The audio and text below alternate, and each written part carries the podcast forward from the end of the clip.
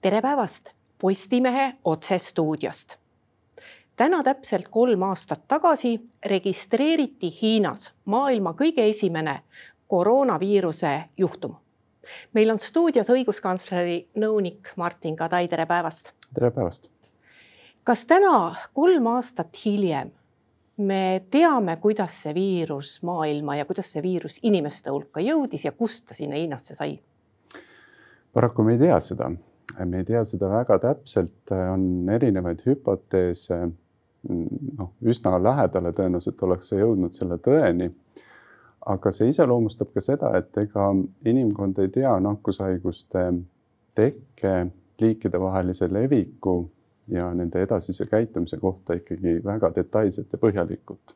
mis see kõige tõenäolisem tõde võiks olla?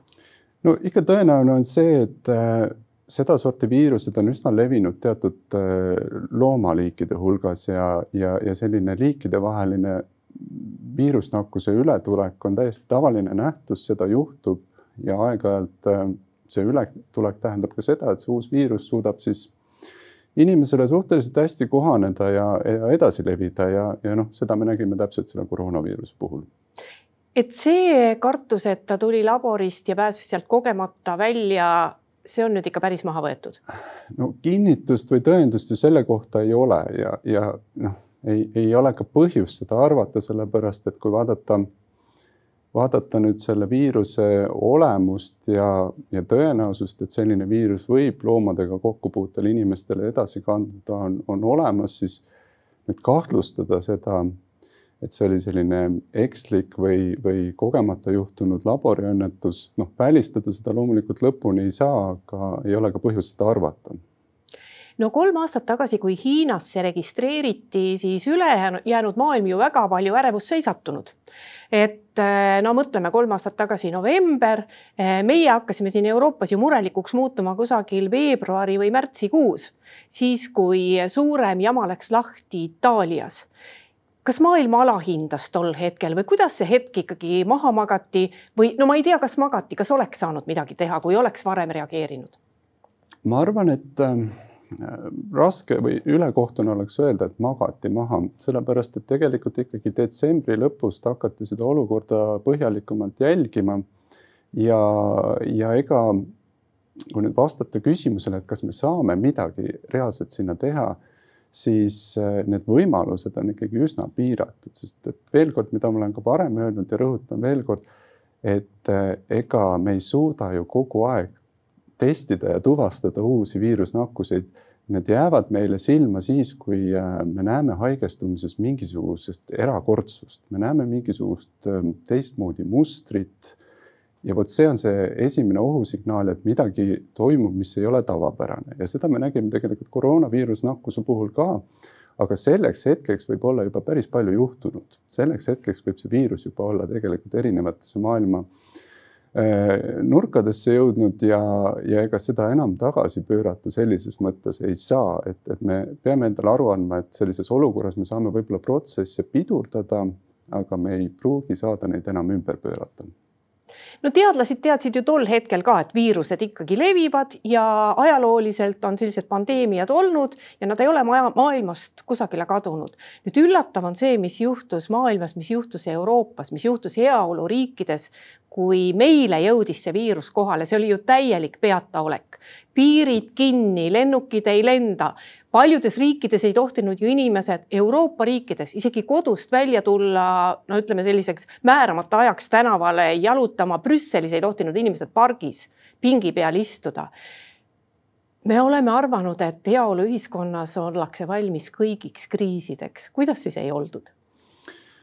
see on hästi põhimõtteline ja, ja oluline küsimus ja, ja oluline on ta ennekõike seetõttu, et tegelikult äh, see teadmine just nimelt, et pandeemiad äh, tekivad, on ju olemas ja tuleb järgmine pandeemia. me ei tea, millal see tuleb, me ei tea, mis pandeemia see täpselt on, aga me teame, et see tuleb.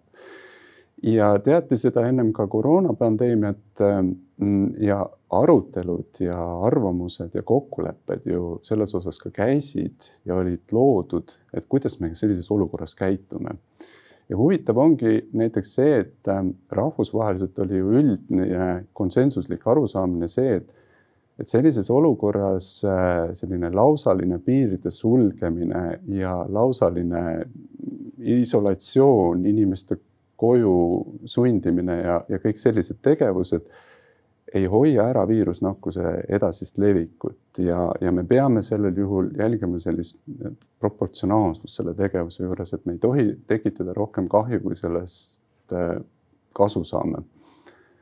ometigi see, mis tegelikult juhtus, oli teistsugune ehk piirid läksid väga ruttu kinni, riigid omavahel väga ei konsulteerinud, nii nagu oli ka rahvusvahelises õiguses ette nähtud ja ma arvan, et see on nüüd see koht, kus tegelikult äh, on hädavajalik äh, neid pandeemia õppetunde analüüsida ja anda sellele olukorrale hinnang, sest see vastuolu on väga suur.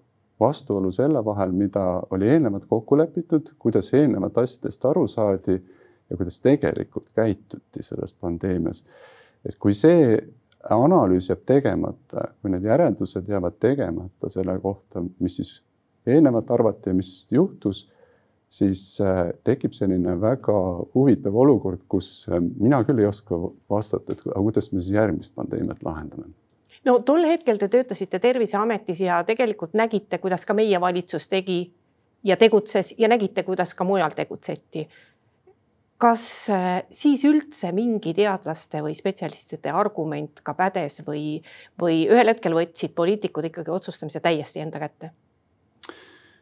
No me peame aru saama, et kriisiga käivad kaasas teatud nähtused ja üks nendest nähtustest on äh, see, et äh, teadmatust on palju, segadust on palju ja ka tekib selline ärevus ja hirmufoon. ja ärevuse ja hirmu foonil ka inimesed ise ootavad, äh, et otsustajad tegutseksid. isegi kui need tegevused on näilised ja, ja noh, võib-olla ka enamus saab aru, et need on näilised, loovadki sellist näilist turvatunnet, siis ikkagi oodatakse seda tegev, tegutsemist ja, ja, ja noh, poliitikuna ma isegi mõistaks, et ongi vaja justkui tegutseda, ongi vaja näidata, et me midagi teeme. Äh, nüüd tõesti noh, mis on kahetsusväärne ja ma julgen selle välja öelda, et, et see tegutsemine võib-olla ikkagi läks mingil hetkel liiga näiliseks ja seda noh, sellist ekspert arusaama selle juures jäi järjest ja järjest vähemaks. et kui ma näitena toon, et, et kui ikkagi piiridele panna relvastatud võitlejad tervisesündmuse korral milleks ühe viirusnakkuse levik on, siis noh, minu küsimus on, et mida me sellega teha tahame, mida me sellega saavutada tahame, sest ega need relvastatud äh, üksused ei hoia seda viirust kinni. Need võivad luua inimestele justkui turvatunde, aga see turvatunne on näiline. ja nüüd ongi küsimus, et äh, kas me ei eksita hoopis inimesi sellise näilise turvatundega, et me justkui hoiame viiruse tuleku ära, aga tegelikult me seda ei tee nii et siin on palju paradokse, mida tegelikult on vaja õppida ja, ja millest on vaja õppida ja millest on vaja järeldused teha, et, et sellised asjad sellises ärevas ja segases olukorras ei korduks. No kas oli ka riike, kes suutsid käituda no vähemalt mingi kasvõi viiekümne protsendi ulatuses mõistuspäraselt, kui nüüd kogu seda situatsiooni arvestada, et et noh, oli kindlasti oli väga hulle kohti, et noh, et Hiina, seal ongi teistsugune ühiskond, seal olid need äärmused ilmselt kõige suuremad, kus inimeste uksed kinni keevitati, et nad ei saaks äh, kodust välja tulla. aga et äh, kas oli ka valitsusi, kes püüdsid äh, käituda pisut teisiti? ja olid, sest et kui me vaatame ikkagi riike võrdluses, siis see käitumismuster oli erinev, et noh, Euroopas kohe ja maailmas üldiselt kohe ilmselgelt eristus Rootsi. ja kui vaadata seda Rootsi lähenemist, siis nende lähenemine oligi hästi sarnane sellele, mis oli varem justkui kokku lepitud, et me ei sulge piire, kui sellest päriselt kasu ei ole. me ei sulge ühiskonda, vaid kaalume seda kahju, mis sellega võib kaasneda ja tegelikult tervisekäitumine kui selline, et siin üldiselt äh, piirdutakse soovitustega ja luuakse võimalused inimestele neid soovitusi jälgida ja järgida et, et see oli nagu nende kontseptsioon ja nende kontseptsioon tegelikult ei olnud see, et laseme viirusel levida vaatame, mis juhtub, et see on natukene nagu teiste riikide ja teiste arvamusliidrite noh, Rootsile külge või Rootsi epidemioloogidele külge kleebitud silt selle pandeemia ajal, mis on iseenesest kahetsusväärne. aga, aga nii, nii see iseenesest oli.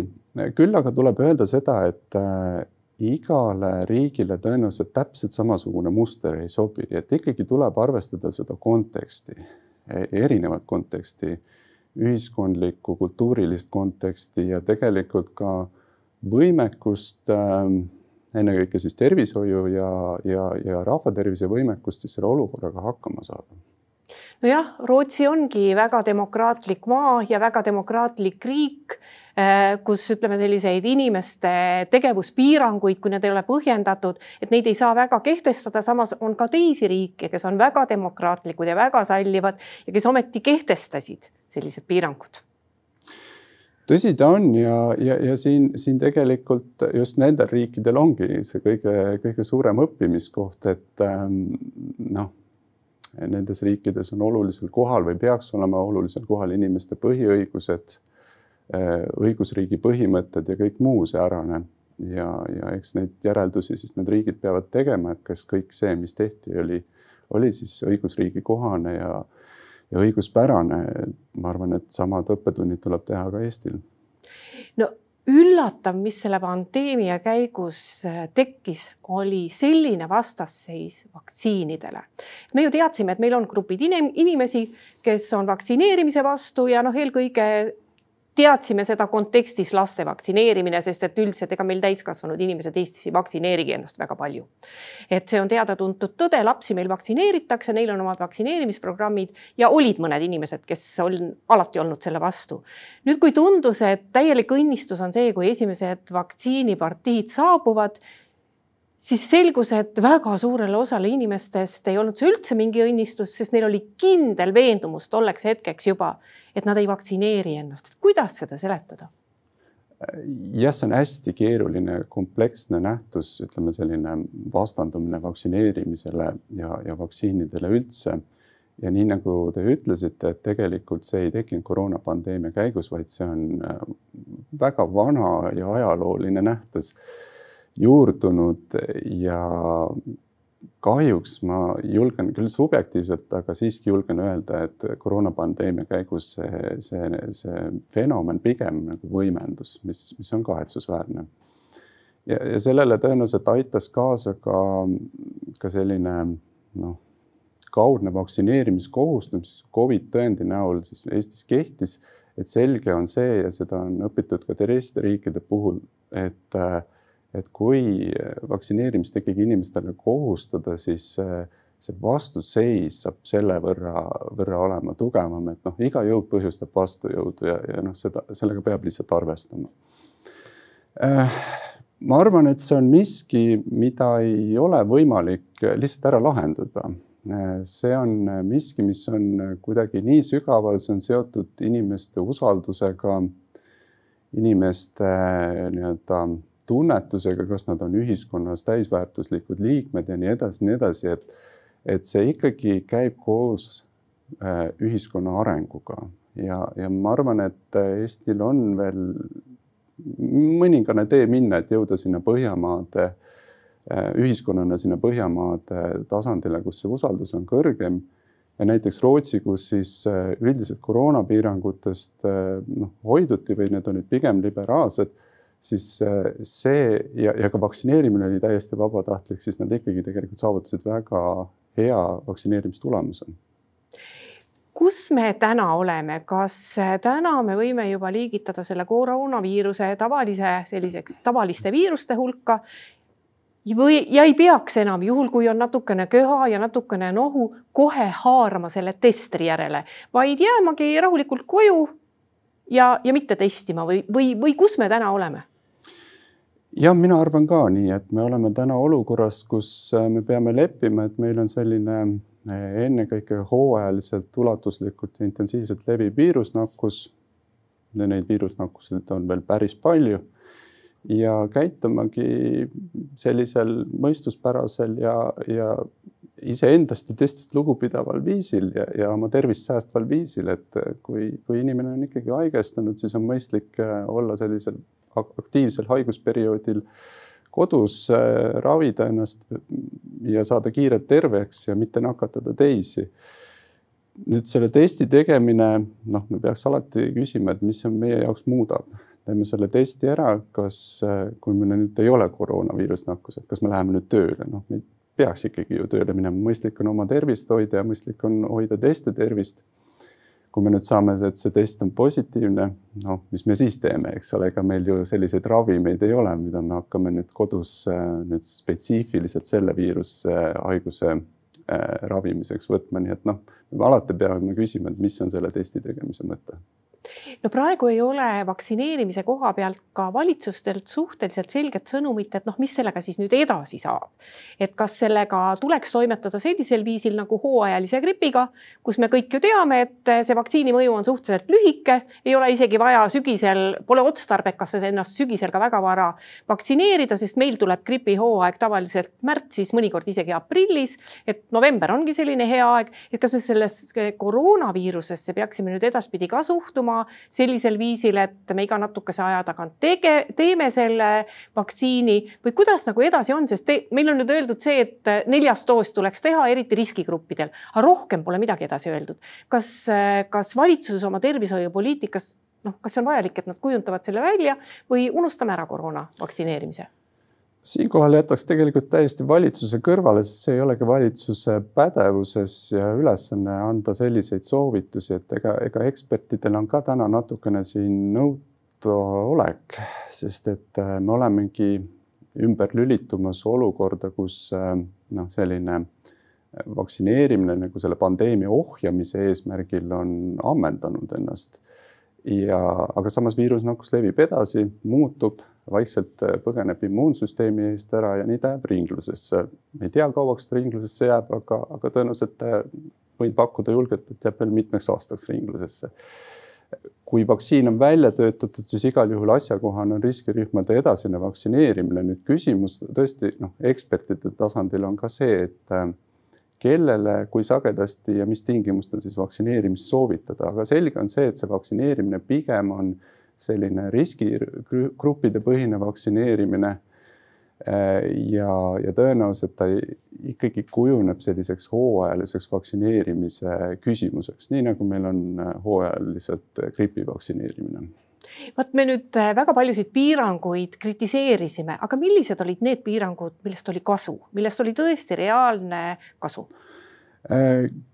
Ma, ma jaotaks nagu oma arusaamisest nüüd äh, tegevused ja sealhulgas piirangud kolme gruppi, et üks on selline epidemioloogiline lähenemine asjale, epidemioloogiline juhtumi käsitlus ja siis on selline kliiniline juhtumi käsitlus ja siis on sihuke ühiskondlik äh, olukorra käsitlus. ma arvan, et äh, kõige õigemad ja juba, juba noh, ka seal oli selline rada sisse tallatud et kõige õigemad tegevused ikkagi olid see, et äh, kuidas me epidemioloogiliselt seda haigusjuhtu käsitlesime. Ja, ja sellisel juhul tegelikult äh, ongi põhireegel see, et kui inimesel on haigus tuvastatud, siis inimene määratakse isolatsiooni. tuvastatakse, kellega ta on kokku puutunud ja need inimesed peaksid jääma karantiini. Äh, tervishoiuasutused sellises olukorras peavad pingutama ja pingutasidki selle nimel, et kõigile abivajajatele ravi pakkuda ja mitte lasta haigusel levida tervishoiuasutuste sees. et, et see pingutus on hädavajalik ja absoluutselt põhjendatud ja üldiselt ma arvan, et tervishoiuasutused tegid head tööd. nüüd kõige, kõige suurem ja võib-olla see kõige keerulisem, see grupp sellest ongi nüüd see, et mida me ühiskonna tasandil nende piirangutega või millised piirangud meil olid millised piirangud toimisid, millised olid eesmärgipärased ja millised eh, pigem ei olnud eesmärgipärased, et ähm, ja siin ma nagu tahaks eristada veel seda, et, äh, et, et kas me anname soovitustena need tervisekäitumise küsimused välja või me hakkame kohustama inimesi. Ja minu isiklik arusaamine on see, et kui me räägime maskidest, distantsi hoidmisest või kõikidest kätepesust siis väga raske on neid kohustada. Eh, sest et kui me kohe, kui me kohustame, siis meil tekib ka vastutus.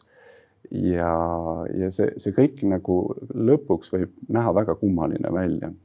ehk et üldjoontes peaks andma seal neid soovitusi rohkem ja, ja, ja inimene siis ise võtab selle vastutuse ja peaks aru saama, miks ta seda teeb, miks ta seda soovitust järgib ja kui ta ei järgi, siis ma arvan, see ei ole ka katastroof selle piirangute perioodi õiguslikud tagajärjed alles hakkavad meieni jõudma, sest eh, kohtuasjad ja kohtulahendid hakkavad praegu alles tulema. ja kohtus vaieldaksegi selgeks tegelikult see, kas eh, riik käitus kõiki neid asju kehtestades või kõiki neid reegleid paika pannes õigusriigina. sest eh, olgu olukord milline tahes, kui inimese õigusi seadus, põhiseadus piirata ei luba, siis neid piirata ei saa. kui palju praegu veel ka õiguskantsleri büroosse takkajärgi tuleb selliseid asju ja kuidas te täna nagu suhtute nendesse kohtulahenditesse, mis tulnud on? Äh, täna koroonaga seotud avaldusi väga palju enam ei tule, sest ei ole ka piiranguid ja, ja õiguskantsleri roll ja võimalused tegelikult selles olukorras, kus piirangud kehtisid, oli ikkagi üsna piiratud. meie võimalus oligi anda nõu inimesele Äh, peegeldada valitsusele, riigikantseleile, kui me nägime, et piirangute kehtestamisel on mingisugune möödapanek või, või kuskil on tekkinud vastuolu, inimesed on jäänud sinna hammasrataste vahele. ja, ja kui see oli sobiv ja vajalik, siis ka inimestel soovitada kohtusse pöördumist, sest õiguskantsler ise nende inimeste õiguskaitseks välja astuda ei saanud. seda õiguskantsleri seadus lihtsalt ei võimaldanud. nüüd ähm, tõsi on see, et äh, seda õiguspärasust äh, peavad kohtud edasi lahkama, need kohtuavaldused on täna veel ja kohtukaasused on täna veel osaliselt lahtised. Ähm, ma ei, ma ei oska, ma ei oska vastata küsimusele, kuidas me suhtume nendesse kohtuotsustesse, sest et minu poolt oleks äärmiselt ebaõiglane kritiseerida kohtuotsuseid, ma ei saakski seda teha ja, ja see oleks täiesti kohatu minu poolt, äh, sest esiteks ei ole ma selle, selline ekspert, et ma saaks õigusküsimustes niimoodi kaasa rääkida ja teiseks ei ole see ka õiguskantslerile kohane. Äh, ma arvan, et see, aga üldiselt me peamegi mõistma seda, et see kohtuprotsess ongi õigusriigile kohane ja, ja võib-olla mis, mis on oluline või mida ma tahaksin paralleelselt näha, on see, et et kohtud võiksid tõesti lahendada neid õiguslikke küsimusi ennekõike, aga kohtud ei peaks niivõrd keskenduma nendele sisulistele küsimustele, et mulle tundub, et siin kohtutele on nagu ebaõiglaselt keeruline roll jäänud äh, vastata küsimusele, kas maskide kandmise kohustus oli äh, põhjendatud või mitte, eks ole. see on küsimus ekspertidele. eksperdid peaksid sellele küsimusele vastama. see, see on sisuline küsimus et äh, ja, ja vot, et see on minu jaoks nagu kahetsusväärne, et see arutelu on täna nagu pooleli jäänud. aga see arutelu tuleks lõpuni viia, sest et küsimus on selles, et kui on järgmine pandeemia, kas me jälle kohustame inimesi maski kandma? kui on järgmine pandeemia, kas me paneme jälle riigipiirid kinni? vot need on küsimused, äh, mis vajavad ennekõike sisulisest kaalutlusest vastust, et kas me, kas sellel on eesmärk ja kas sellel on tulemus. ja kui me oleme need ära vastanud, siis ma arvan, et ka õigussüsteemil on lihtsam järeldusi teha no seda, millal järgmine pandeemia võiks tulla, ei oska tõenäoliselt keegi teadlastest vastata, sellepärast et maailm muutub kogu aeg, et noh, selle viimase pandeemia ajal saigi see viirus mõneti ka nii ruttu levida seetõttu ju, et maailm ei ole ju nii üksteisega läbikäiv mitte kunagi olnud, kui ta praegu on. me saame väga kiiresti väga erinevatesse maailmajagudesse lennata. et selles mõttes igat järgmist pandeemiat ja selle levikut kindlasti mõjutab see, kuidas maailm toimib. aga mis, kas mingi tõenäosusega on võimalik öelda, et kas viirused on levinud ka mingi tõenäosusega, et ütleme niimoodi, et kui nüüd oli üks ära, et siis sada aastat on muretu tahaks hästi seda öelda, aga kahjuks ei saa seda öelda, et äh, pigem ma pean äh, seda optimismi vähendama. Ähm, lisaks sellele, et maailm on ähm, hästi tihedalt omavahel seotud, inimesed liiguvad palju ja tõesti see riigipiiride ülene levik, levik on hästi kiire ja tõenäoline. kui ühes maailmajaos uus viirusnakkus tekib lisaks sellele on veel palju riske, mis on ähm, inimtekkelised riskid, näiteks äh, ravimite väärkasutamisega seotud resistentsusriskid, ähm, ka ütleme noh, inimtekkelised riskid, mis puudutavad kokkupuudet just selliste mm, metsikute loomaliikidega, noh, seesama kahtlus, et sealt elusloomaturult see viirusnakkus sai alguse. Äh, kõik sellised nähtused äh, suurendavad riske, et sellise loom, loomadelt pärit äh, haigustekitaja kandub üle inimestele ja hakkab levima inimestele, need riskid suurenevad, mitte ei vähene. et tegelikult äh, üldiselt selles riskihinnangus me peaksime võtma selle seisukoha ja aru saama, et need äh, riskid on üsna kõrged ja need riskid ja see tõenäosus, et tekib mingi aja jooksul uus pandeemia, pigem on sellise kasvava trendiga no praegu kuuldavasti mõnes koolis kaalutakse jälle distantsõpet ja testitakse õpilasi, kas see on mõistlik? testimise koha pealt, nii nagu ma ütlesin, et äh, peame nagu läbi mõtlema, et mis me sellest testi tulemusest siis nagu järeldame, et, et mina ei oskaks täna ise või oma laste pealt midagi sellest testi tulemusest järeldada, et no, väga lihtne reegel, et kui lapsed on tõbised, siis nad ei lähe kooli, äh, paranevad ära ja lähevad kooli arvan, et see on kõige loogilisem lähenemine, et ma võin selle testi teha, aga sellest ei, ei muutu mu otsus, kas laps läheb kooli või mitte. Ehm, miks peaks kool minema distantsõppele, kui üks laps või õpetaja on, on, on koolist ära ja kui õpetajat on võimalik asendada, siis ma ei näe nagu selles mingit probleemi. et mind natukene nagu hämmastab see, et ega ega ju koolides lapsed ja õpetajad haigestusid äh, ägedasse, ägedatesse hingamisteede viirusnakkustesse ka varem, ennem, ennem koroonapandeemiat ja kuidagi lahenesid need olukorrad ju ära. et miks nad ei peaks siis täna, täna lahenema, et võiks ju samamoodi laheneda. aitäh, Martin Kadai, ühinemast meie saatega. aitäh ka kõigile neile, kes meid vaatasid. nii palju veel, et meie järgmine saade on eetris juba homme. seniks lugege uudiseid postimees.ee